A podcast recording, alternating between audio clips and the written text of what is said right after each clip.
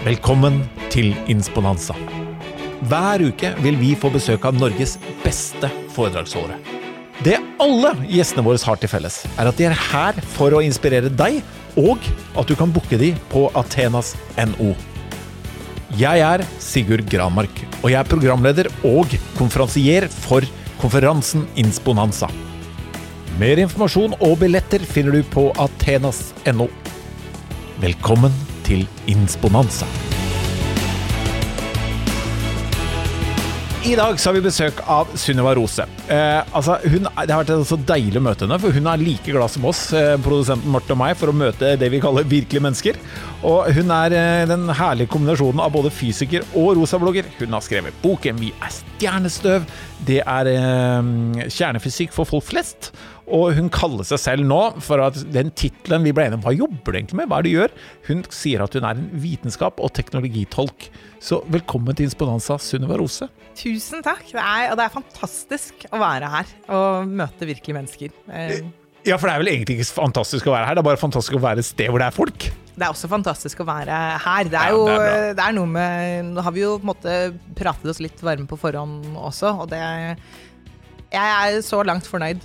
Ja, jeg er veldig fornøyd. Jeg, må, jeg måtte faktisk ta litt ansvar og stoppe den praten, så vi skulle ha litt igjen nå. Fordi Ja. det er litt den derre Og uh, det blir fort sånn uh, repetisjon av det, det man har sittet og blir ivrig på før man går på.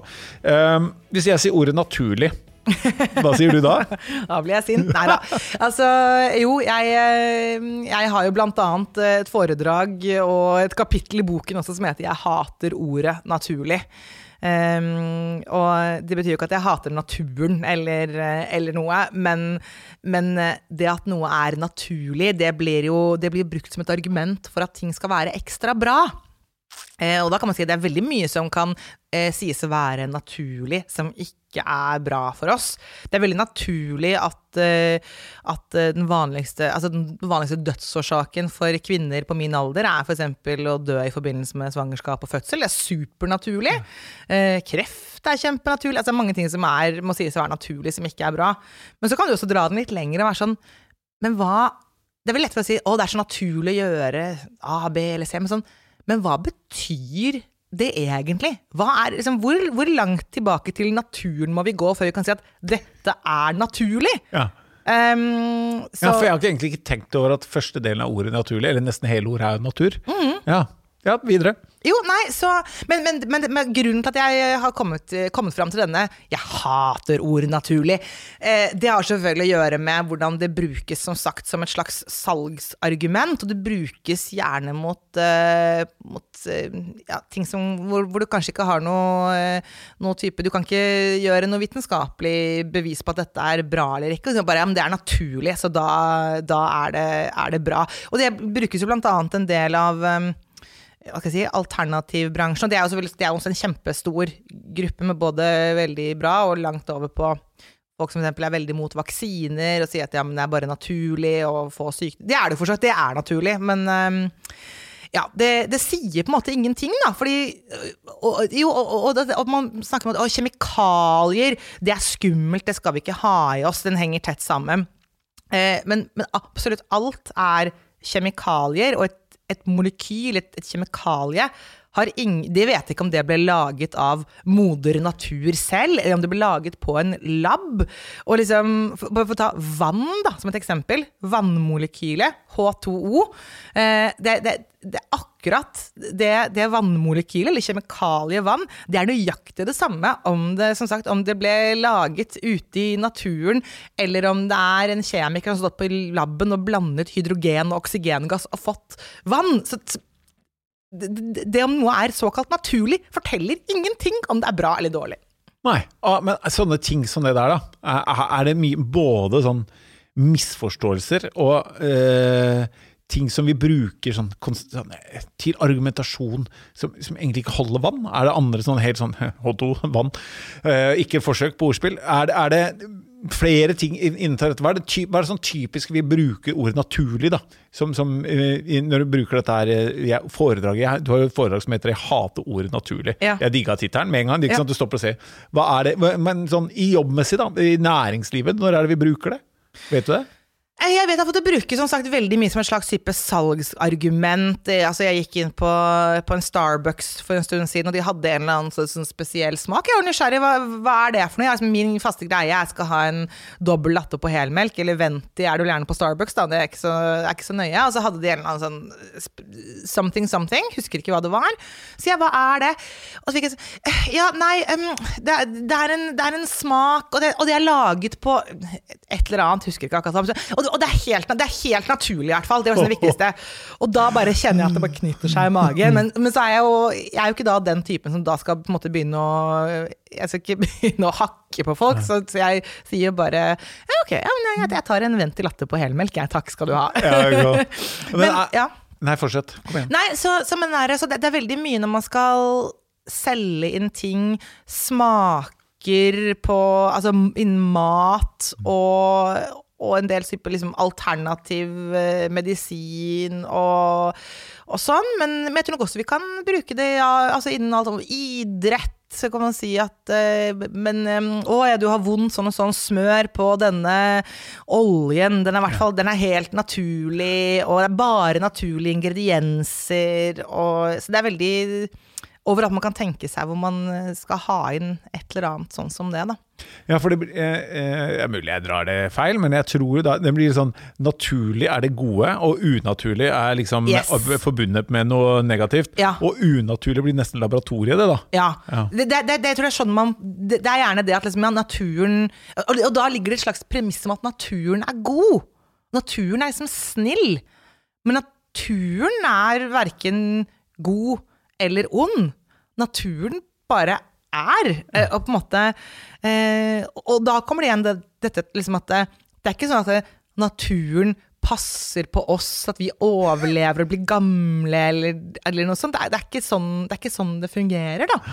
Um, så og, og, jeg er selvfølgelig Jeg er jo fysiker og har jo bakgrunn med forskning og er jo en stor tilhenger av, eh, av altså kunnskap, kunnskap, kunnskap. Ehm, og, så, og det, liksom, man har liksom karikerte fremstillingene at som sier, ja, labben, det er noe ondt. Det er det jo virkelig ikke. Selvfølgelig, det kan det være, for det kommer an på hva er det man gjør på en lab. Driver man og lager masseødeleggelsesvåpen, eller driver man og prøver å finne en vaksine mot korona, så vi kan komme tilbake og møte mennesker igjen og stå på scenen, liksom. Um, så, så, så det som Ja, det er ikke sånn at Igjen, naturlig betyr ikke god, og unaturlig betyr ikke ond. Det kan like gjerne være, være motsatt. Så vi må ha litt, litt mer kunnskap. Eh, Man kan bare støtte seg på at det er naturlig. Naturlig kan være, naturlig kan være veldig, veldig dårlig. Og noe av det giftigste, for eksempel giftene man finner, finner man jo i Det er jo slangegifter som du finner i naturen. ikke sant? Det er helt naturlig. Det er helt naturlig. Og sagt, helt, og det, ja, det kan jeg si. Jeg fikk mitt eh, andre barn for et år siden. Hadde antageligvis dødd hvis det hadde, hvis det hadde skjedd eh, i et eh, Ute i naturen, slik som, slik som man naturlig føder, da. Men på sykehus, ikke noe problem. Åh, jeg digger det. Jeg synes det er så deilig med Jeg sånne digger det, jeg også. Ja, med sånne ord som vi bare slenger rundt oss, Ja. som du hele tida kan nappe opp. Jeg håper det kan bidra til litt gode diskusjoner til folk på Dessverre på Teams, da, men innad i familien under tacoen eh, eh, en fredag når du hører på folk sier at det er helt naturlig. Ja, og så kan man godt si det. Og så kan man si sånn ja, Hva mener du egentlig med det? Og så kan det godt være at det ligger noe veldig noe bra bak det, men, men da vil jeg gjerne Ok, men hva, hva er det med dette, dette naturlige stoffet? Eh, hvorfor er det det er bra, og hvorfor er det ting ikke er bra? Altså, det er jo sånn, Man må hele tiden stille seg selv og andre spørsmål. Så, ja, hva mener du med det? Hva, hvorfor er det sånn? Og, ja. Eh, naturlig og, og stoff da, og disse tingene her. Jeg, jeg har en sånn fascinasjon for um, min bakgrunn, liksom, som jeg hadde lyst til å bli, og den leiren av folk jeg var i, var liksom disse sportsgutta da, og Ja. sportsfolka. Og ikke alltid den spisseste blyanten i pennalet, og ikke de beste karakterene. Og vi var liksom de gutta. Og etter hvert som jeg ble eldre, jeg hadde mer og mer fascinasjon for uh, nerder. Ja. Og uh, når jeg leser om deg, så jeg, jeg ser, sier det som en hedersbetegnelse. Uh, det, jeg ser deg som en nerd av de kloke. Og når jeg, hvis vi prater om det naturlige, unaturlige og stoffer Hvis Hvis du kunne brukt litt tid nå både for å fortelle kjernefysiker, altså utdannelsen, hva er det?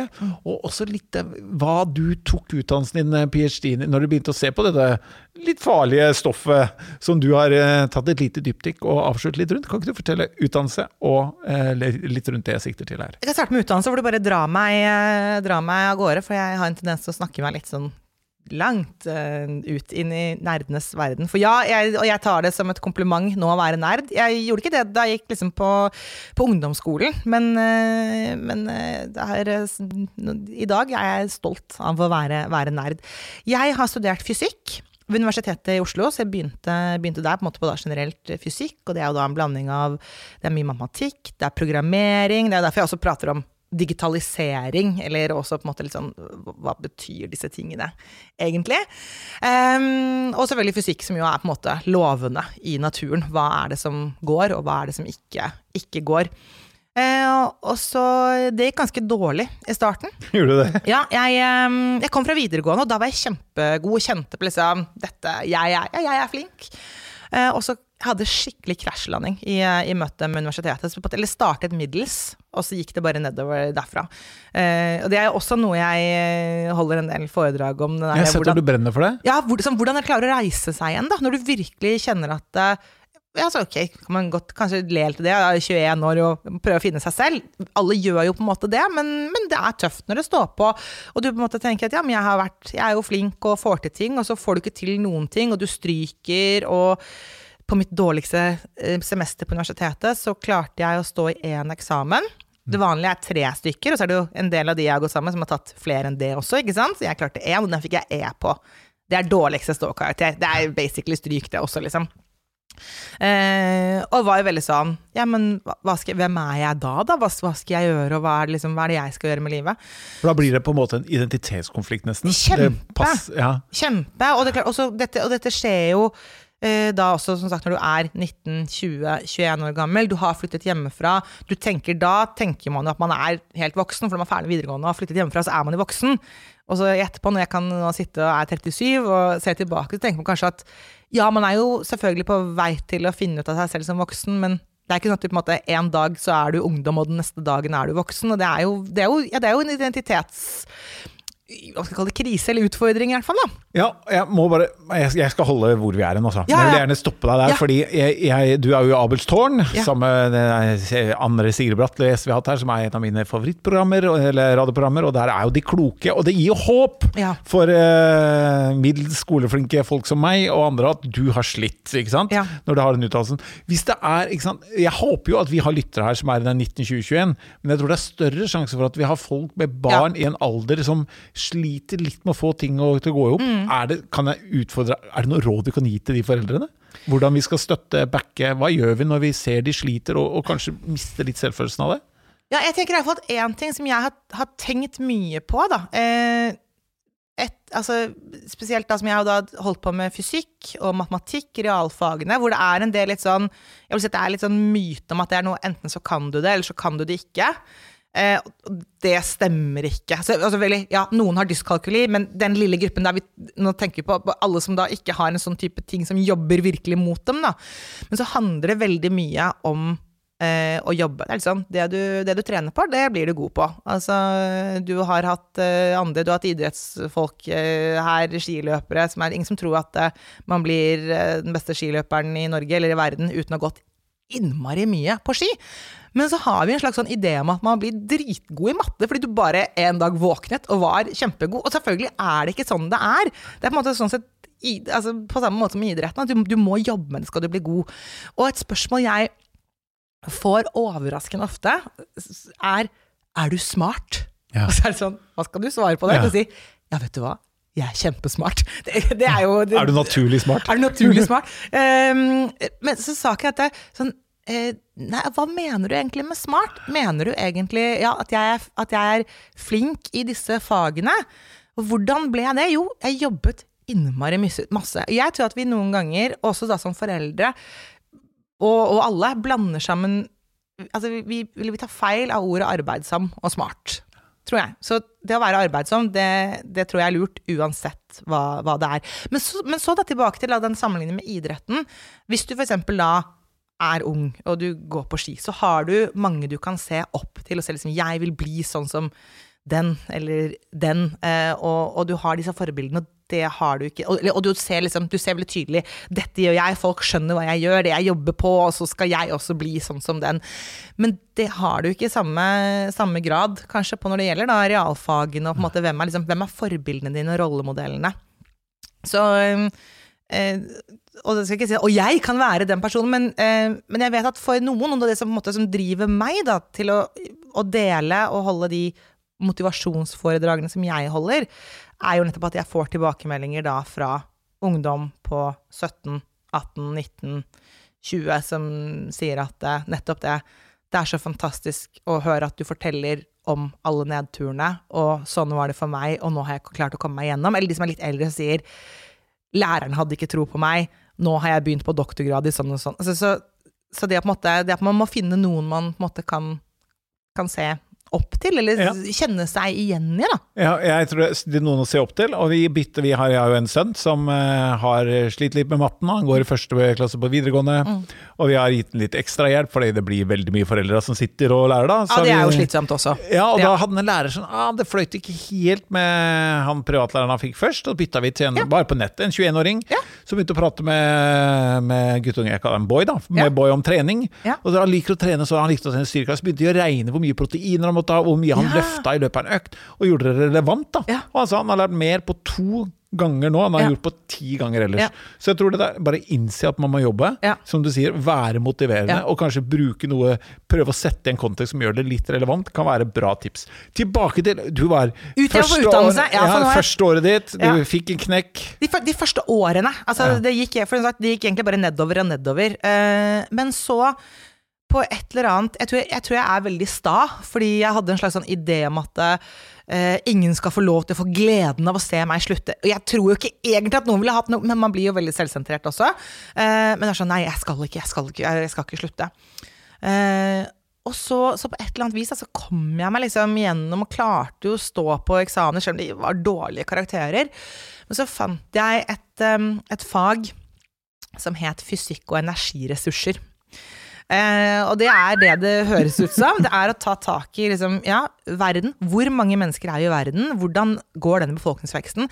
Hvordan kan vi skaffe nok energi til hele verdens befolkning? Og nå i dag så er jo det noe som ganske mange er opptatt av, fordi vi vet at det er, det er superviktig. Klarer vi ikke å løse det, så går det ikke så veldig bra. Eh, og det syns jeg var veldig, veldig spennende. Og da tok man for seg alle mulige måter å produsere energi på. Og så på en måte vekk med alle sånn Ja, men jeg føler at hvis ja. alle bare Men sånn faktisk sånn Her er de kalde faktaene, og det er litt sånn hvordan vil, altså, Man kan godt si alle monner drar. Ja da, alle monner drar, men noen monner drar ganske lite. Hvilke monner er det som Hva er det som monner, virkelig? Ja. Eh, og det var sånn jeg kom inn på dette da med kjernekraft, som for meg var en sånn jeg hadde ikke noe sånn godt forhold til det fra før. Jeg er ikke Det var sånn, det er jo det er noen skumle saker. Er, de har det i Sverige, og det er altfor nærme. Det var liksom den følelsen jeg hadde av det. Ja. Så begynte jeg å lese og lære, og syntes det var så spennende at jeg gikk langt utfor pensum i den boken som vi hadde der, og bare liksom begynte å bare grave alt jeg klarte på egen hånd. Og jeg syntes det var superspennende å se at det, her er det jo så mange myter og misforståelser rundt det her. Liksom sa, så hvis, hvis, jeg har forstått det riktig nå, så er det jo den følelsen som folk sitter med, er, den er jo ikke riktig. Eller den er basert på et helt feil grunnlag. Så tenkte jeg dette kan jeg studere dette videre? Dette må jeg bare virkelig gå i dybden på. Og da hadde jeg sånn fått Det var første faget jeg fikk A i. Ah. Eh, og da hadde jeg plutselig et slags mål, og det tror jeg kanskje ikke jeg hadde hatt før det. Eh, da var jeg veldig sånn Dette skal jeg ta en master i. Da måtte jeg ta opp en del fag, og fikk liksom gjort det. Jeg kom meg inn på, da, på masterstudiet i kjernefysikk. Og så fikk jeg muligheten til å jobbe da med kjernekraft og et grunnstoff som heter thorium, som Norge har en av verdens største reserver av. Mm. Jeg fikk en veileder som, eh, som jeg virkelig bare som person også klikket veldig, veldig bra med. Hun måtte så meg for den jeg var, da. Ja, hvem var det? Eh, hun heter Sunniva Siem, så det er morsomt at hun også het Sunniva. Ja, for det er jo ikke et sånn kjempevanlig navn, og spesielt ikke da vi var små. Så hun, hennes brukernavn på universitetet var bare Sunniva. Eh, ja. for Hun var som første på universitetet som het det. Litt morsomt når vi har da reist på konferanser i utlandet, og sånn, folk tror at Sunniva må være et av de aller vanligste navnene i, i Norge. Altså, hun sendte meg til Frankrike, og jeg Kult, liksom bra, Sunniva. Ja. Så da, mm, da gikk jeg da fra å komme meg, bruke et år for mye, komme meg gjennom liksom den bachelorgraden med et nødskrik, til å da få toppkarakterer på, på egentlig på alt på mastergraden. Og da var det også hun som begynte å ymte frempå kanskje du har lyst til å fortsette med en doktorgrad. Ja. Eh, og så fikk jeg muligheten til, til det. Det ble, opp, det ble, ble opprettet en stilling som, eh, som jeg fikk. Fordi å ta en doktorgrad er jo en jobb, da er man jo ansatt som forsker. Eller sånn forskerlærling, på et vis. Ja. Mm. Og jeg fikk forske videre, da, så da fikk jeg virkelig gått i dybden på, på det, det jeg jobbet med. Så det er kjernekraft og thorium jeg har forsket på. Men så kan jeg si at kjernefysikk det er veldig veldig mye mer. fordi det handler rett og slett om å forstå atomkjernen. Og absolutt alt er bygget opp av atomer. Hva er Um, atomer? hva er atomer? Ja, det er jo Det er jo på en måte den minste, minste byggesteinen av et grunnstoff. Så for eksempel hvis du har gull, er et grunnstoff. Den minste byggesteinen av grunnstoffet gull, det er et gullatom. Eh, Et atom det, det, det består av en atomkjerne, og rundt der så svirrer elektronene. Um, som en slags sånn Kall det en sky av elektroner rundt denne kjernen. Og kjernefysikken det handler om denne atomkjernen. Og, og den blir holdt sammen av den sterkeste kraften vi kjenner i universet, som er kjernekraften. Hadde vi ikke hatt kjernekraft, så hadde vi ikke hatt noen atomkjerner. Da hadde vi ikke hatt atomer, ikke molekyler, ikke liv. Altså hadde alt bare vært en suppe av partikler. Så, og så er det den vi også da får frigjort i kjernekraft når man produserer strøm. Eller det liksom veldig destruktive i en atombombe. Ja, for da blir det atom og kjernekraft, atomvåpen. Eh, Ja, så det er, jo også, det, er jo en, det er jo en destruktiv bruk av den kunnskapen. Så ja, atomvåpen, et annet det kan man kaller atombombe eller kjernefysisk våpen. Så det er, som- ja, det er, atom, det er kjernekraften, så det skal ikke late som noe annet enn det. Men det er kjernekraften som gjør at, som sagt, at alle, alle de atomene som vi og alt rundt oss er bygget opp av, hvis du ikke hadde hatt den kjernekraften, som sagt, da finnes det ikke atomer. Da er det bare, bare suppe. Det er ikke sånn, nei, Da er det bare encellet liv. Nei, det er bare suppe. Det er ingenting. har dette noe med Big Bang å gjøre? Det har det også. Så nå har ikke jeg jobbet med Big Bang, men ja, disse tingene Det henger definitivt sammen. Spesielt når vi går over da på hvor er det, hvor er det alle disse stoffene som vi består av, alle disse grunnstoffene, hvor kommer de fra? Eh, og det skjer jo De kommer jo fra stjerner. Stjerner som vår egen sol. Det er en sånn middels stor stjerne. Der har du en, og den består jo egentlig av gass, av hydrogengass i utgangspunktet, som da begynner å de, det, det blir så varmt og så høyt trykk på solen at disse hydrogenkjernene, det også er kjerner, de Ja. smelter sammen, og da blir de til helium. Som er det neste grunnstoffet. Og så smelter de videre sammen, så man klatrer liksom oppover og lager tyngre og tyngre stoffer. Dette er kjernefysikk Ja. igjen, da. Så, så jeg pleier jo egentlig å kalle solen for en kontinuerlig eksploderende atombombe. Så det er jo kjernekraften som frigjøres. Så sånn sett er jo da nesten all energi som vi får her på jordkloden, er på et eller annet vis da eh, kjernekraft, enten direkte eller overført da fra solen som da skinner ned. Det er jo er kjernekraft, det også. Eh, og så er det jo solen som driver eh, havet, så hvis det er hav, eh, vi skal ha altså bølgekraft eller vindkraft, så er det også solen som gjør det. Så Og når du sier solen skinner ned Vi har, jo- bare, bare ikke mer enn eh, et år siden jeg plutselig bare fikk en sånn eh, Det er jo ikke, det er ikke solen som går ned, det er jorda som roterer. Blir det Ja. bakover? det er sant. Ja, det er jo vi som beveger oss. Ja. Du, I forhold til Big Bang, Ja. eh, litt sånn dårlig ordspill, men big data, for å hoppe litt tema, skifte tema. Du, altså, Big data er du opptatt av, stemmer det? Ja, altså jeg syns, jeg syns det er veldig veldig spennende det som, det som skjer nå, hvor man plutselig altså, i hvert fall, eller nå gradvis er kommet dit at man eh, Det er flere ting som skjer på en gang. Det ene er at vi nå har eh, nå vi produserer så mye data. Det kan være fordi at vi nå plutselig kan ha gadgets overalt som har muligheten til å hele tiden produsere data. Enten om det da er at vi har smartklokker som, som sjekker pulsen vår på veldig mange, eller hvordan vi sover. Altså, vi produserer mye, mye data. Og så har vi muligheten til å nå altså, vi har muligheten til å ha datamaskiner som da kan samle sammen og, eh, og prosessere alle disse dataene. Så vi har mye mer datakraft. Eh, og mm, på et eller annet tidspunkt da så kommer man opp til Jeg skal ikke komme noen definisjon på hva big data er, for det tror jeg du kan finne mange definisjoner av. Men, men det å gjøre da, å analysere dette her, gjør at vi kan få ny innsikt. Og det henger jo da tett sammen med det som kalles for kunstig intelligens, ikke sant. Eh, og det er jo egentlig på en måte, si, det er jo bare statistikk. Altså, det, er det det til syvende og sist er. Så det jeg syns er innmari gøy nå, når folk på en måte er blitt mer og mer opptatt av det, man har et sånn man har fått et forhold til ja, med big data eller store data og liksom disse tingene her. Er, og, og, folk syns det er gøy å, på en måte, å samle data og se på Ja, se her kan jeg se pulsen min sånn, og beste eksempel jeg kom på på farten nå. Eh, så er det egentlig at jeg føler litt at nå er det veldig mange flere som er blitt litt sånn eksperimentelle fysikere. fordi dette er jo det vi holdt på med i årevis, er at vi samler data, og så analyserer vi dataene, og så prøver vi å finne ut av hva er, hva er mønsteret, hva, hva, hva, kan vi forstå ut av disse dataene her. Det er jo forskning. Og nå er det plutselig veldig mange flere som plutselig er opptatt av det. Og det er jo noe av det jeg syns er spennende med digitalisering. Det er jo dette at man altså, det er jo å sette tall på ting, og da få kunnskap ut fra disse tallene. Analysere disse dataene. Ja, og i næringslivet, da, ja. som jeg uh, leverer ganske mye, der er det sånn eh, Alle er opptatt av big data, da. Ja. Og, og, og, det er litt sånn og dessverre da, så kjøper jo nesten alle samme statistikken fra noen eh, svære hus, globale hus, ja. som samler på veldig mye data. Ja. Så får de samme statistikken mm. med sånn noenlunde samme forutsetning for å tolke de. Ja. Så datainformasjon er så tilgjengelig, så, og man tolker det ofte ganske med, med lik bakgrunn. Så man får en nesten sånn generisk informasjon man handler på, istedenfor å kunne bruke det til noe, noe competitiveness, enten når det er digitalt eller rett og slett kommersielt også. da. Jeg, jeg tror nok at vi fremdeles er litt der at eh, det, det, vi står på en måte i en Altså, det har skjedd mye nå på de siste ti årene. Altså, Facebook var, altså Jeg fikk iallfall Facebook-konto i 2007, så det er litt mer enn ti år siden, men det er ikke så veldig mye mer.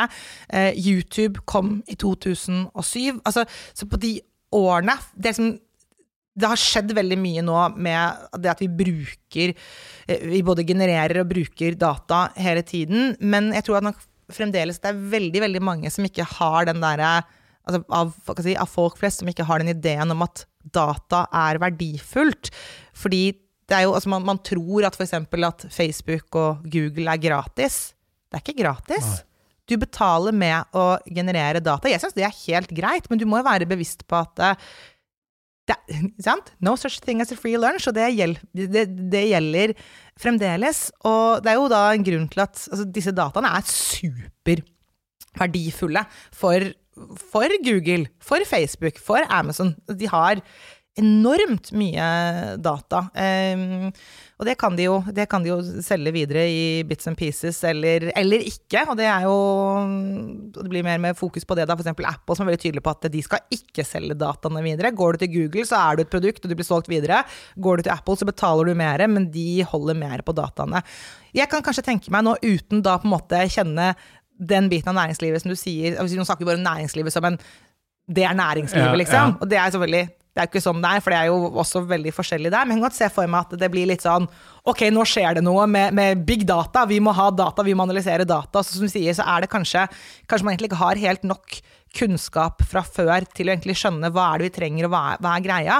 Og det er faktisk en viktig grunn til at jeg har vært med på å jobbe for å få programmering inn i skolen.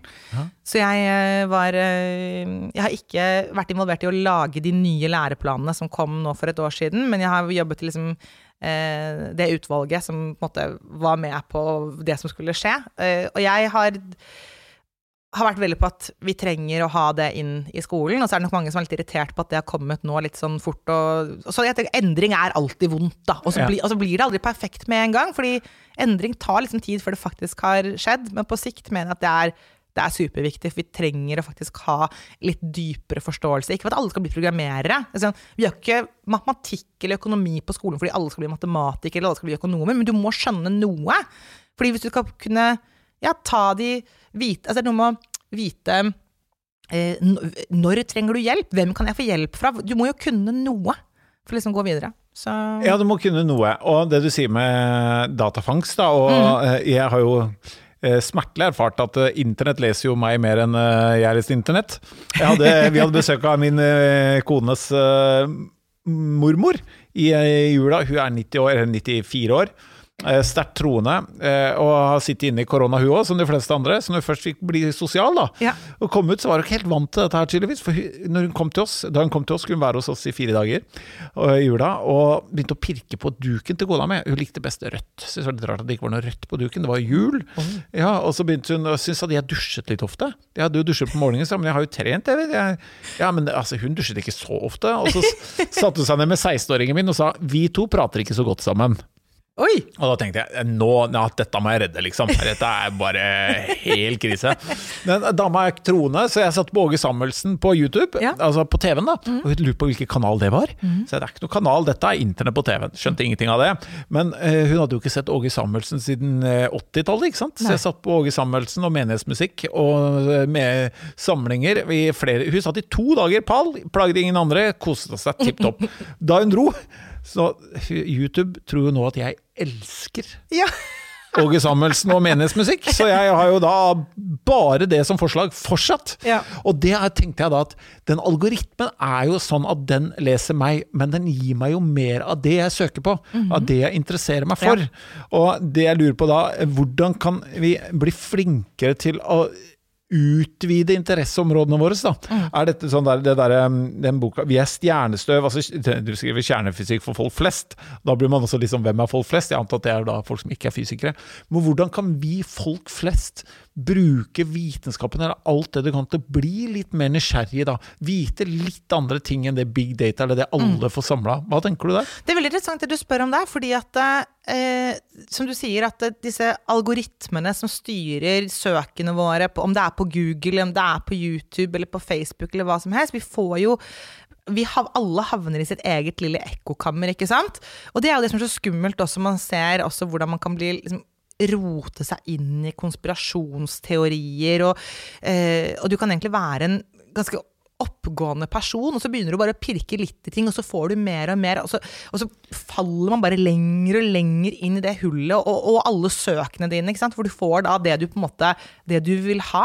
Ja, Plutselig så står du inne i Kongressen og har vært med på et riot eh, Ja, på Capitol Hill. det, det er jo forferdelig også, ja, nettopp for at man ja, havner i disse ekkokamrene.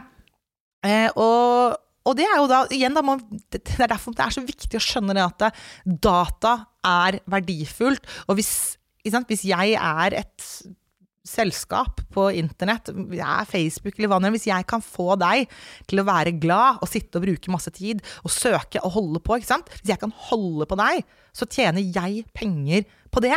Det, det må vi skjønne, og jeg tror ikke da løsningen er å si «Ja, nå skal vi forby Facebook. Nei, for dette er her. Det det er litt som å si, hvis du har Du må, du må lære ungdom om, på en måte, om sex, om prevensjon. Du kan ikke si Nei, det skal man ikke gjøre før man er gift. Det, det vet jeg, det funker ikke. Da, da får man mer ungdomsgraviditeter og den type ting. Så vi må ha kunnskap. Jeg føler det er litt sånn samme greia med, med også på en måte jeg, Nå sier jeg Facebook og mener da egentlig alt mulig rundt det òg.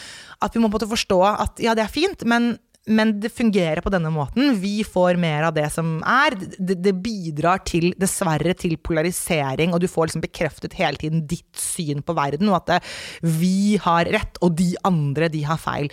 Så jeg tror kanskje at det, Kanskje bøker nå er viktigere enn noensinne.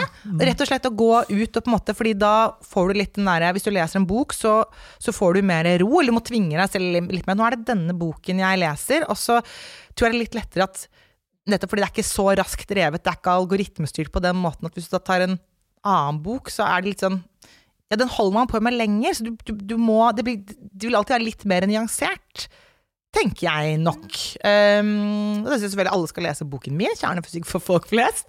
Uh, men, eller, eller, ja, eller andre, andre bøker. Eh. Men jeg tror bøker er viktig, altså. Ja, og jeg eh, beundrer deg for at du sier at folk skal lese boken din, for vi er så dårlige til å selge våre egne ting. Så det er bra du sier det. Ja. Bøker er viktig, og ikke minst det kvaliteten på spørsmålene du stiller i internett. Det avgjør så mye Ja, hva du får tilbake. det er kjempeviktig. Men, Men, eh, jeg må si en ting som jeg gjør, eh, som, som også smerter meg. Men fordi sånn som igjen da vil jeg bruke Facebook som eksempel, så, så har man jo mange venner, og det er jo ikke de fleste av vennene dine på Facebook er ikke venner på den måten, det er jo kontakter. Det er kanskje et bedre begrep i dag, for jeg, klarer, jeg, har ikke, jeg har ikke 2000 venner på Facebook, men jeg har kanskje 2000 kontakter. Um, og jeg har eh, mange av dem er folk som har lagt til meg, for de kanskje har sett meg et eller annet sted, og så sier jeg ok. Og så ser jeg at de har et syn på verden som er så langt unna, og det, liksom, det kan være super, altså virkelig superrasistisk og, og den type ting.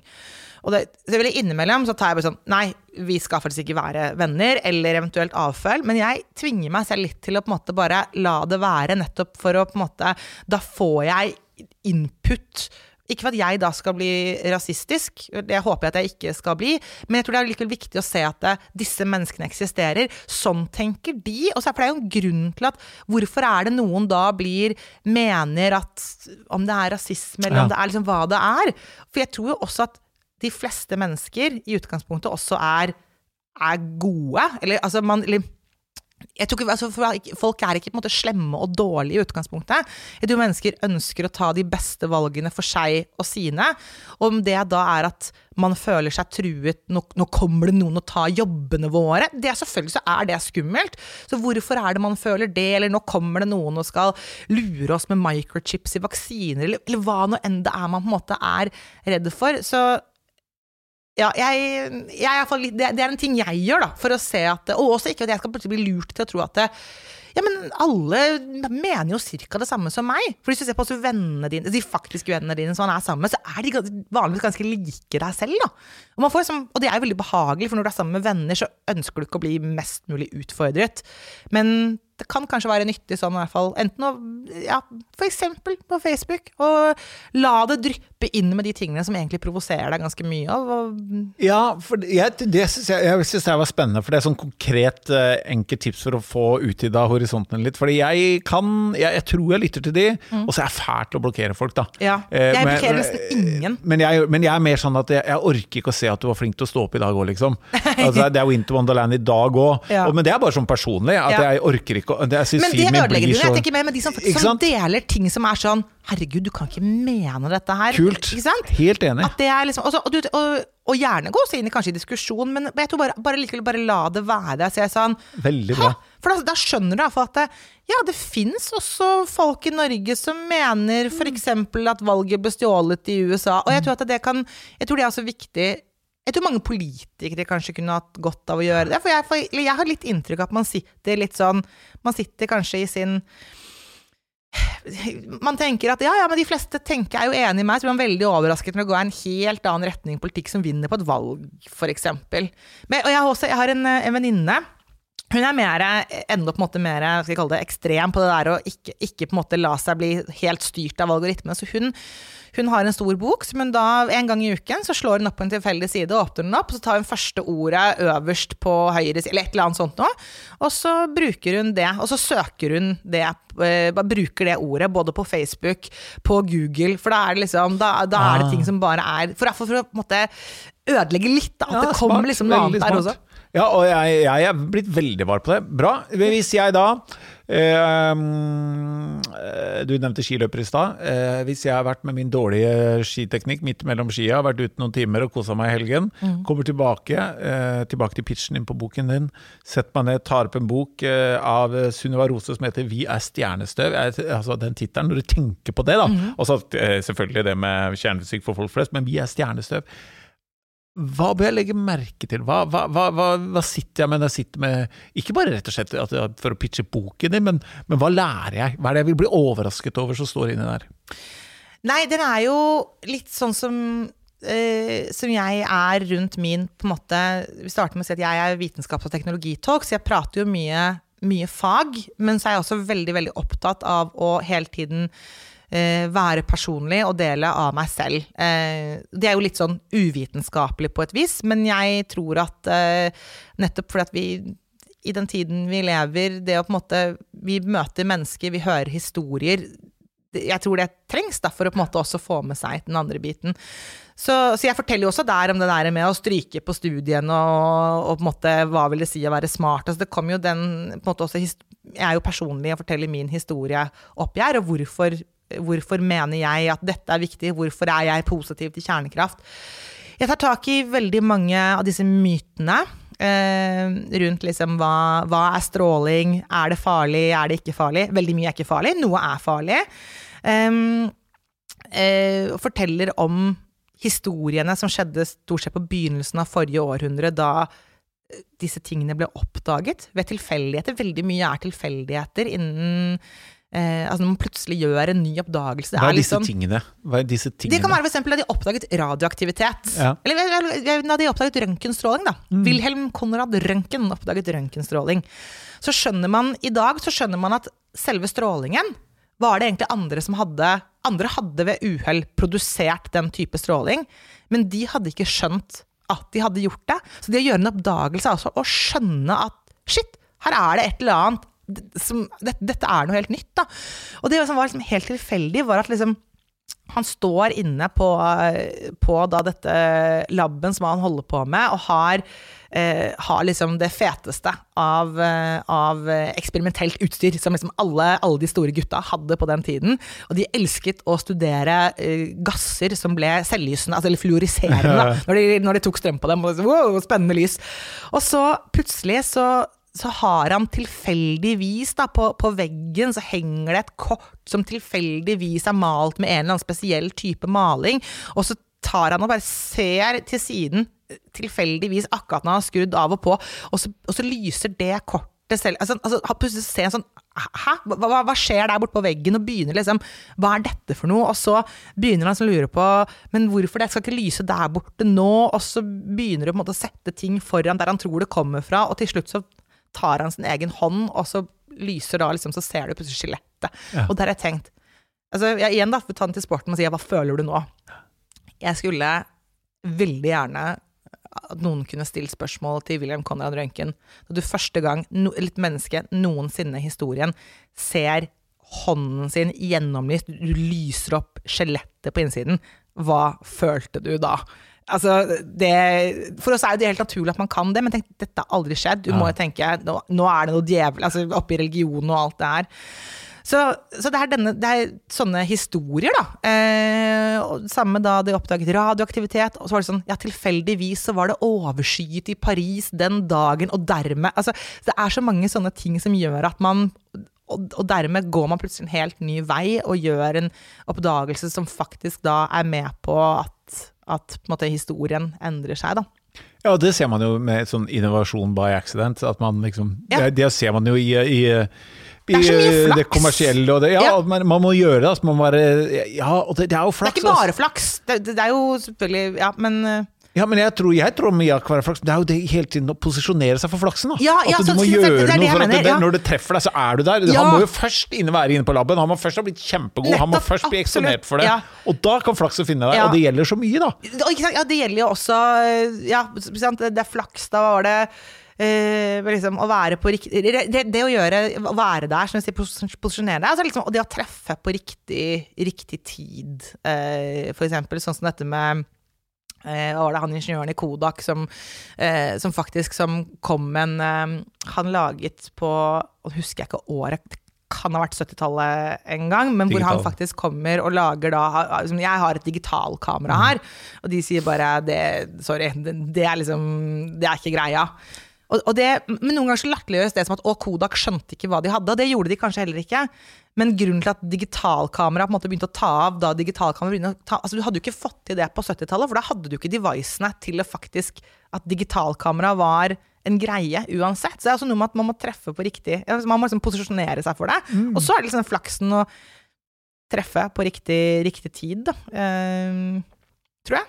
Ja, det gjør det. Og den, det det, det, Den er jo Det har masse elementer både med den kultur og ære og stolthet. At det Ja, måtte bli det er masse dårligere før de spennende å ta tak i bruker det. historien ja, der, som helt enig. går- mm -hmm. Men altså, når det gjelder med flaks og uflaks, jeg hadde stort sett uh, uflaks med alle spørsmålene på eksamen på skolen. Ja. Eh, antar at du etter hvert hadde ganske mye flaks etter hvert som Ane kom. Ja, etter hvert som ANE hadde veldig mye og- flaks der, altså. Ja? Øh, Flaksen hadde lest det der, det flaksen var smart smart liksom. òg. Naturlig smart. Altså, det heng, alt dette her henger jo sammen. Ja. Eh, men når det gjelder Vi er stjernestøv, boka, tema Ja. eh, Sigrid Bratli, den kollega i Abelstårn eh, jeg spurte henne, innenfor hennes fagområder, da, Mm. hva skjer om 5-10 år som vi, vi, ikke, vi eh, folk flest, som du Ja. kaller oss, eh, ikke forstår nå? Hva er det som kommer? Og jeg mener ikke folk flest i noe dissende form i det hele tatt. Nei, Altså. for det, det er viktig for meg. Altså, når jeg sier folk flest, så er det også fysikk. Altså, liksom, det, det, er, det er virkelig Ja. de aller, aller uh, fleste. Um, Hva kommer? hva kommer? Jeg syns det er fryktelig vanskelig å, å si, fordi man bommer jo alltid på sånn, hva er det som kommer her som ikke kommer. Hør nå, skal du gi deg et tips på det? Eirik Knut, Mm. Ja. uh, astrofysikeren, veldig klok fyr, Kjenner han han, sa ja. jeg er veldig presis Ja. når jeg uh, gir mine profetier på hva som er langt unna. Ja. veldig upresis på det som er innen et år, han. Ja.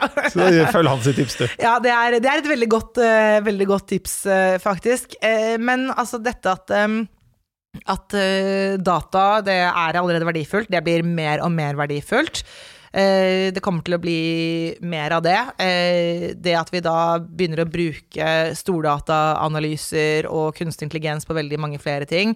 Jeg er jo av dem som har stor tro på f.eks. selvkjørende biler, og det er mange som snakker om det. Men eh, Eh, nå, og når er det det på en måte plutselig tar, tar Ja, når er det det, da? Da tipper du?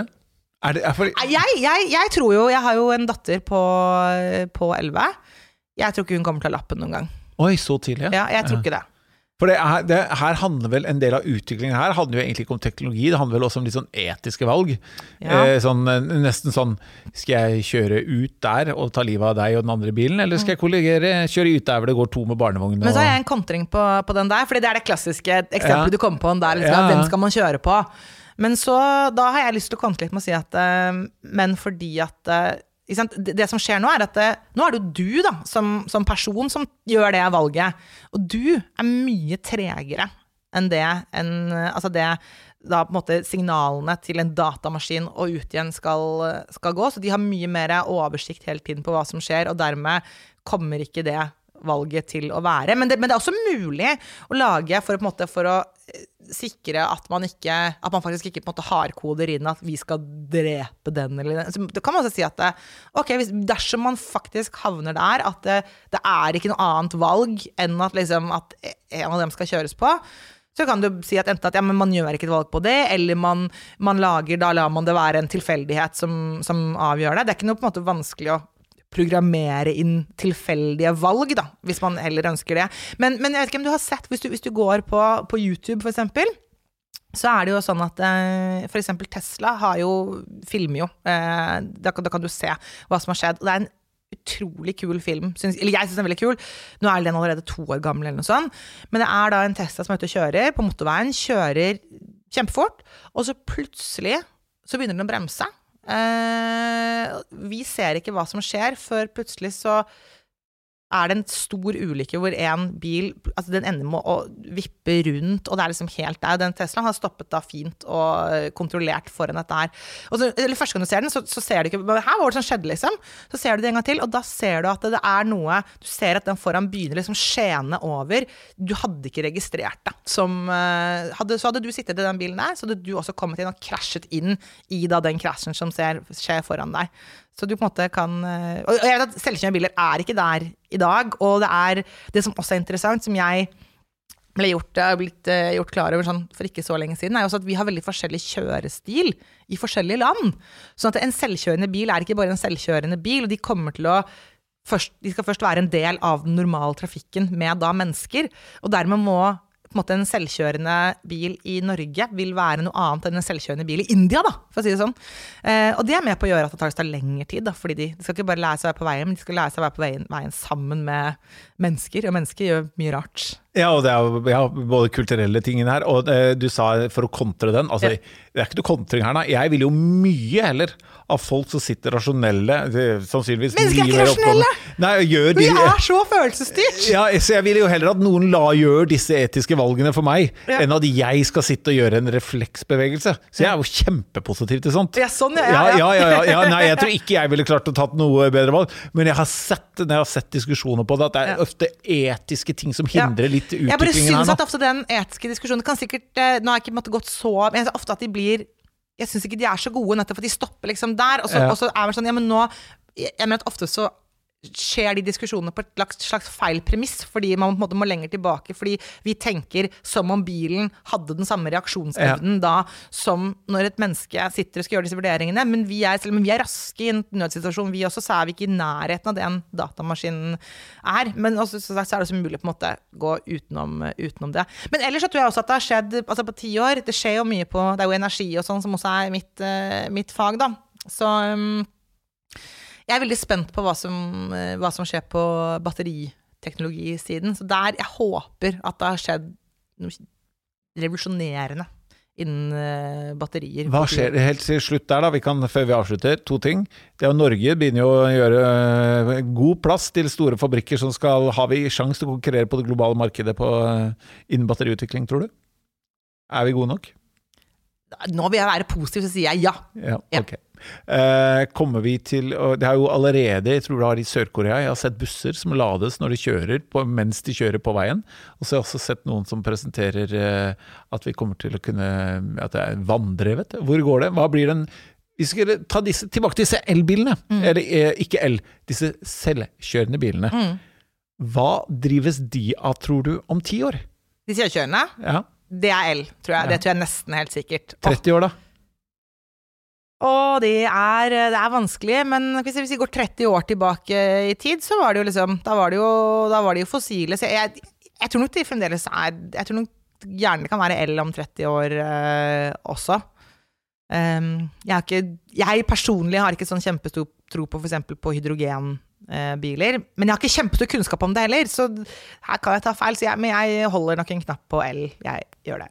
Eh, og jeg holder en knapp på at hvis du vil Altså, jeg, Det er mange grunner til at du skal uh, booke Sunniva til deg, men husk altså, de, disse kloke folka kan hjelpe deg med big data.